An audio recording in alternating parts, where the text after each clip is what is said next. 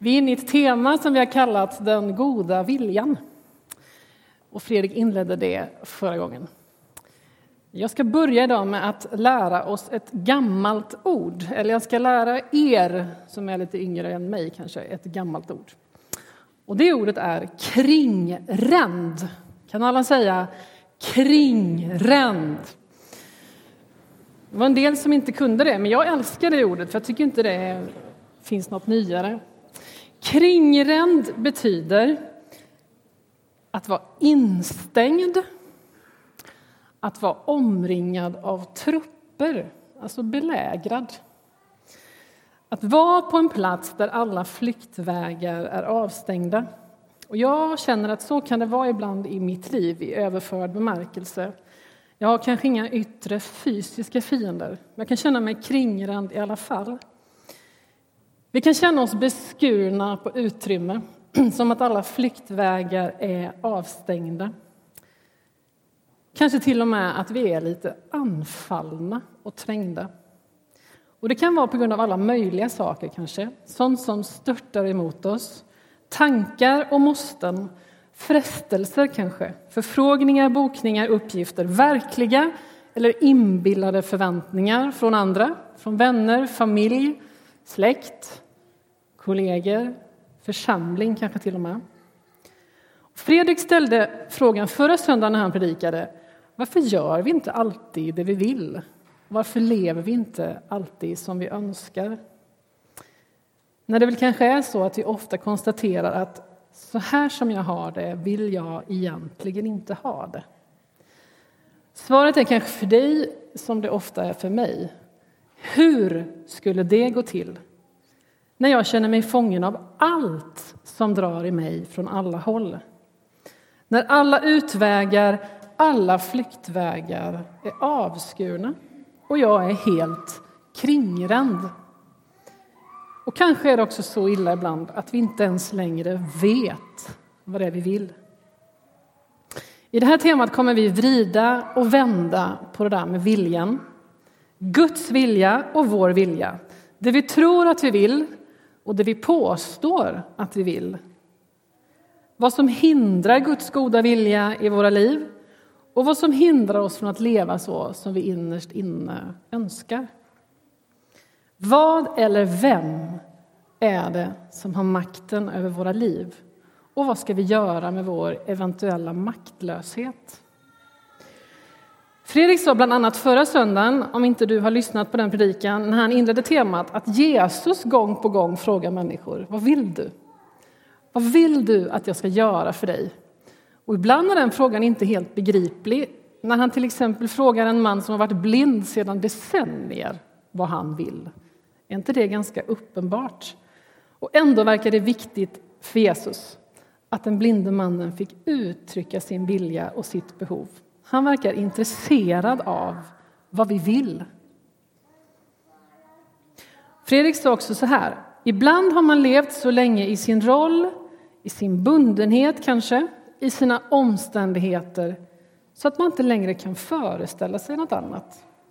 Och dit, till dig, kommer Jesus och liksom öppnar ett fönster släpper in både ljus och luft och säger Vad vill du att jag ska göra för dig? Jag är inte jätteförtjust i one-liners, jag måste erkänna det. Och en sån där one-liner som man ser ganska ofta, och jag ber om ursäkt nu om någon har det här hemma på sin vägg, det är till och med ganska troligt. If you can dream it, you can be it. Alltså, om du kan drömma det så kan du vara det, eller bli det. Jag tänker att det är en lögn. Och vi får ibland höra, ja men följ ditt hjärta och boosta ditt självförtroende. Och då menar man typ med egen tankekraft. Du kan bli allt du vill om du liksom bara vill det och bara gör det och bara tänker tillräckligt mycket.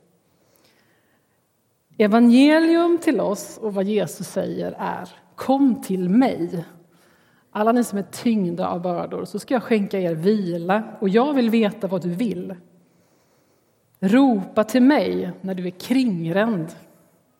Hans tanke är inte att du ska tänka dig ur dina omständigheter utan att du ska erkänna dig maktlös inför honom och be om hans hjälp. Nu var det inte så att man inte fick drömma och Jesus frågar hela tiden vad vill du? I Psaltarpsalmen, psalm 31 och vers 9 så låter de goda nyheterna om vad Gud vill så här. Du överlämnar mig inte i fiendens hand. Du ställer mina fötter på en rymlig plats. Det här läste Fredrik också förra söndagen. Alltså, om du är kringränd, omringad av trupper, så kommer inte jag lämna dig där. Jag kommer lyfta dig upp och ställa dig någon annanstans som är den där kringrända platsens totala motsats, på en rymlig plats. Där kommer jag ställa dig. Och en annan översättning säger du förde mig ut i frihet. Och parafrasen The Message skriver så här vackert. Du avväpnade mina plågoandar och lämnade mig inte i deras klor utan gav mig andrum. Är inte det evangelium? Dagens minnesvers den låter så här och är hämtad från Filipperbrevet 2, vers 13. Och jag har med två olika översättningar här på väggen snart. Eh, från Bibel 2000 och från Folkbibeln. Och då står det så här. Det är Gud som verkar i er så att ni både i vilja och gärning förverkligar hans syfte. Eller till Gud är den som verkar i er både vilja och gärning för att hans goda vilja ska ske.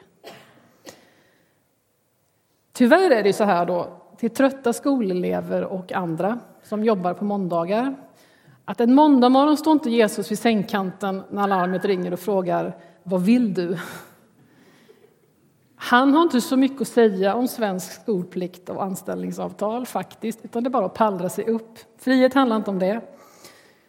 Friheten handlar ju inte heller om att vi kan göra precis som vi vill.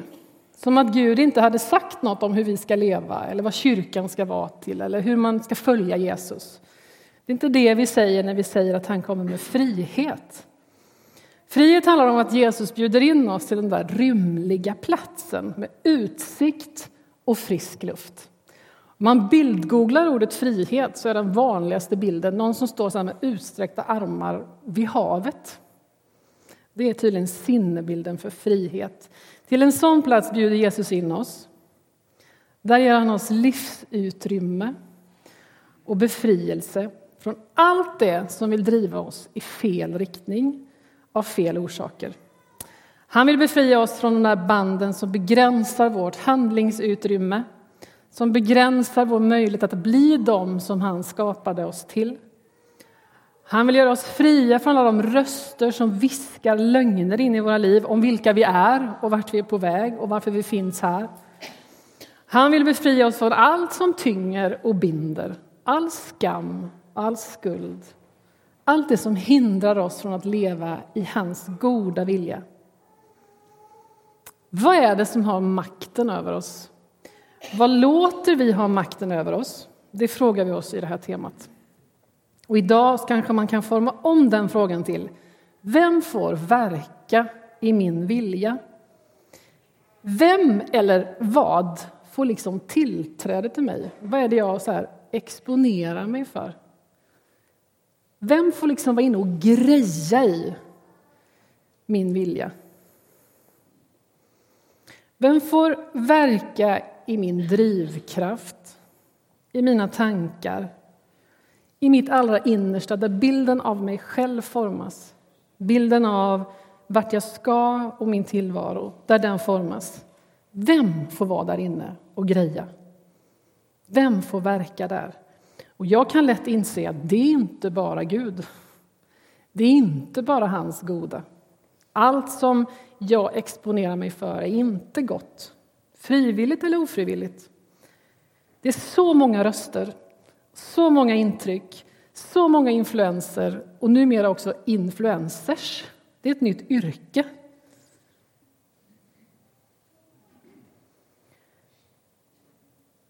Det här med sociala medier är ju så fruktansvärt uttjatat att prata om, särskilt från en predikstol. Men det är ju uttjatat därför att det är så ständigt relevant, så ständigt påträngande, så ständigt utmanande. Och därför gör jag det nu i alla fall. Jag tycker Instagram särskilt är jättemysigt. Jättetrevligt. Inspirerande på många sätt. Men jag inser också att det är en ganska stor faktor när det kommer till att verka i min vilja. Instagram påverkar rakt in i min tanke och ibland hela vägen ut till min gärning. Det är mycket som jag inte skulle vilja om jag inte hade sett det där.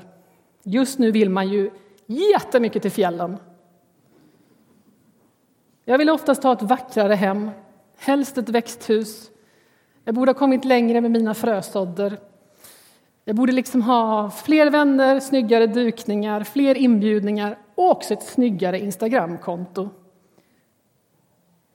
Det kan kanske tyckas banalt, men risken är ju att vi sammantaget liksom bygger upp liksom en sorts ytlig längtan efter ett lyckligare liv när vi låter lite vad som helst verka i vår vilja. Jag tänker att också den, en av de största farorna är när vi börjar bygga ihop liksom, fragment av allas liv eftersom vi ser fragment av så mångas liv.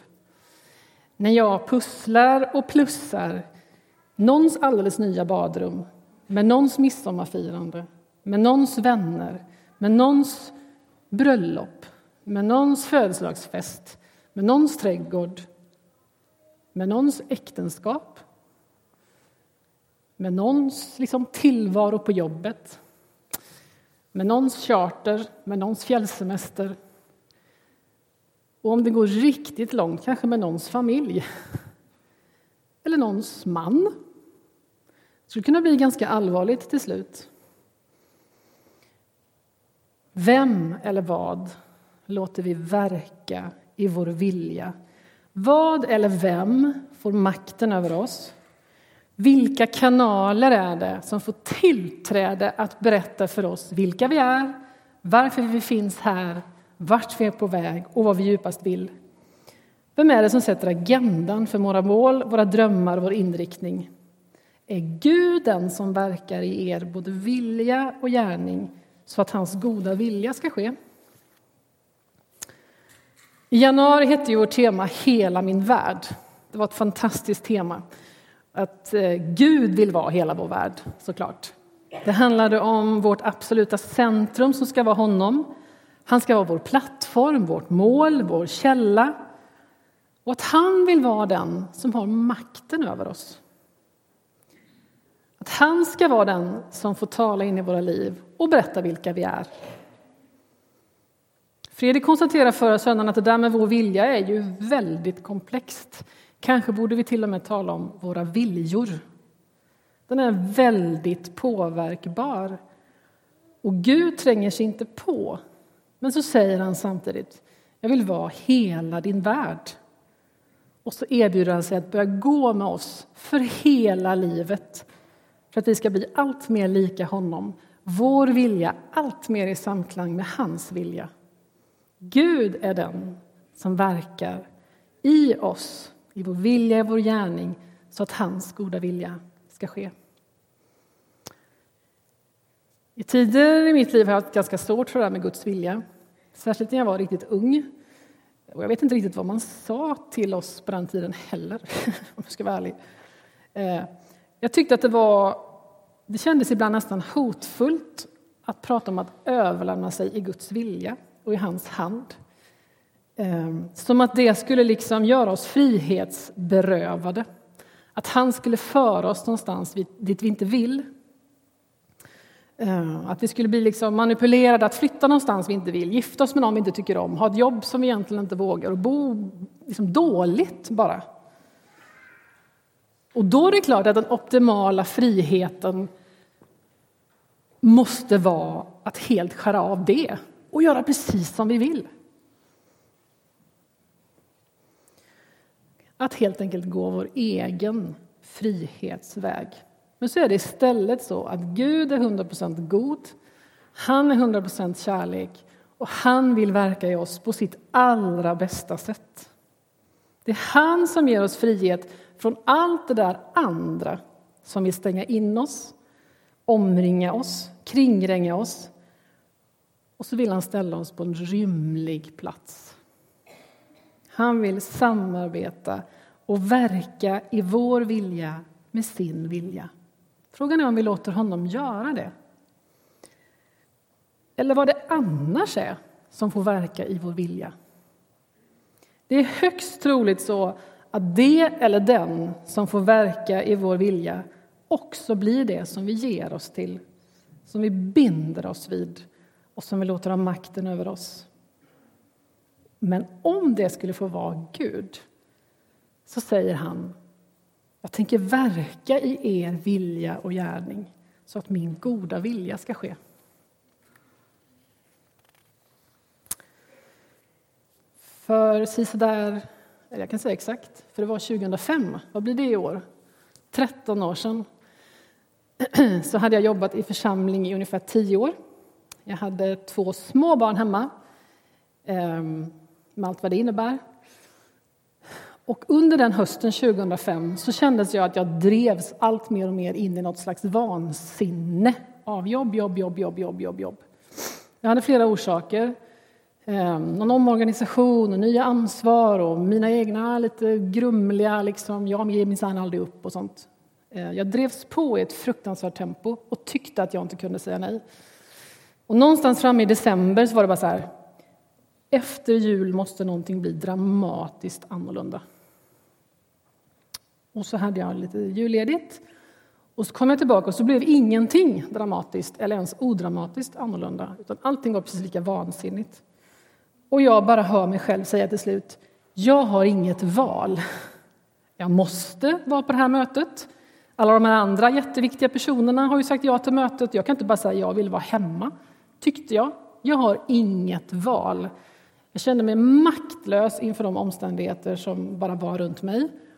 Eh, och kände vanmakt. Och då är det så här, när man säger så här, jag har inget val, då har man ju gett bort sin vilja. Och skulle Jesus frågat mig då, vad vill du? Så hade jag sagt, jag har inget val. Så i princip kunde inte han göra någonting. Han kunde inte verka i min vilja, för den hade jag gett bort. Jag hade ju inget att välja på, tyckte jag. Och då är det bara så att rätt som det är en dag så blir man sjuk när det är så här. Och då helt plötsligt så har man inte heller något val, för kroppen bara lägger sig på en soffa och reser sig inte upp igen.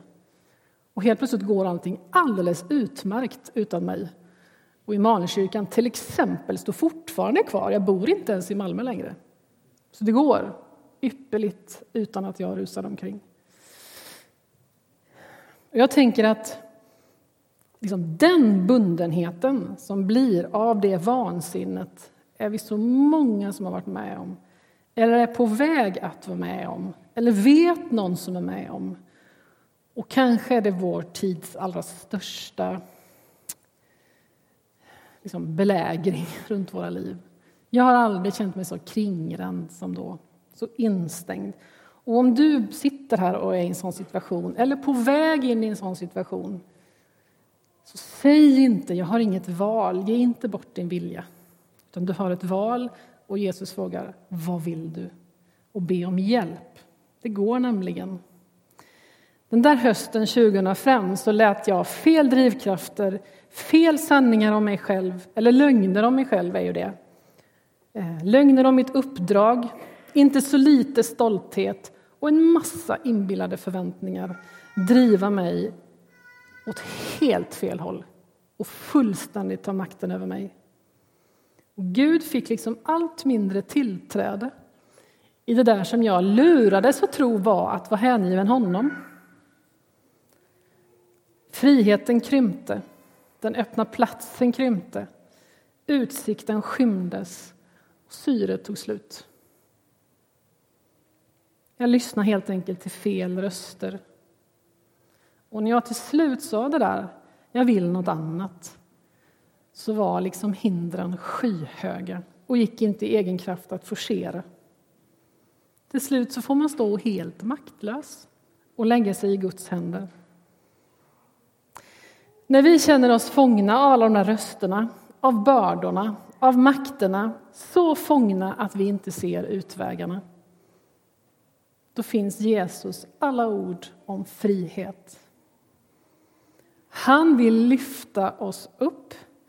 Han vill lyfta av, han vill klippa av de band som binder och han vill verka i oss, i vår vilja. Så ge inte bort den. Han vill ställa våra fötter på en rymlig plats.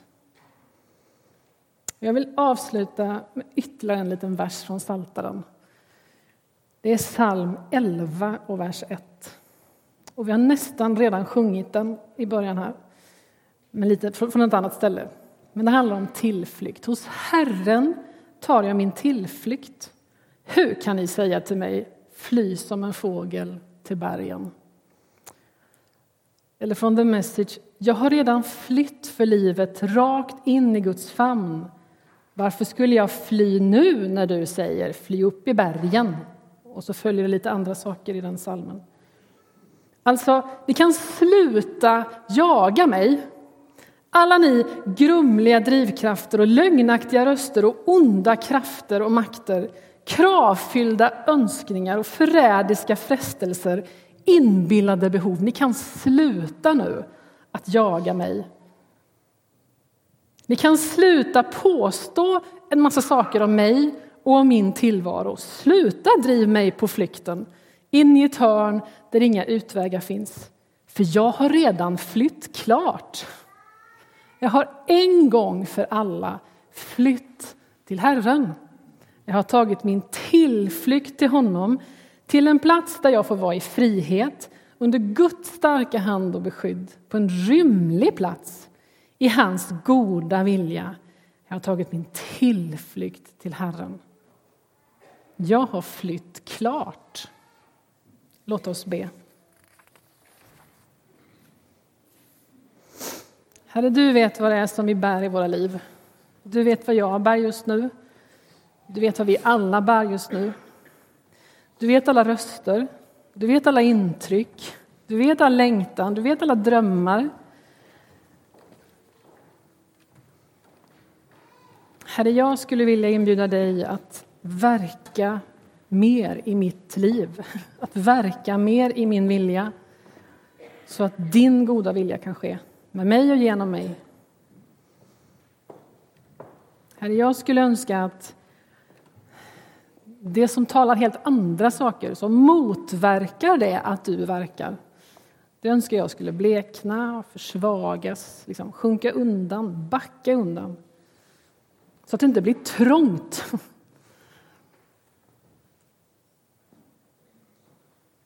Herre, du vet vad vi tycker att vi dras med liksom, av bråte som vi bär runt på, tunga stenar. Vi känner oss instängda i våra egna val, kanske. Tack för att för dig är det alltid liksom en ny dag. Du är expert på att börja från början. Och du lyfter av det som vi sitter med här idag. Verka mer i min vilja, Herre verka tydligare, djupare så att din goda vilja kan ske. Amen.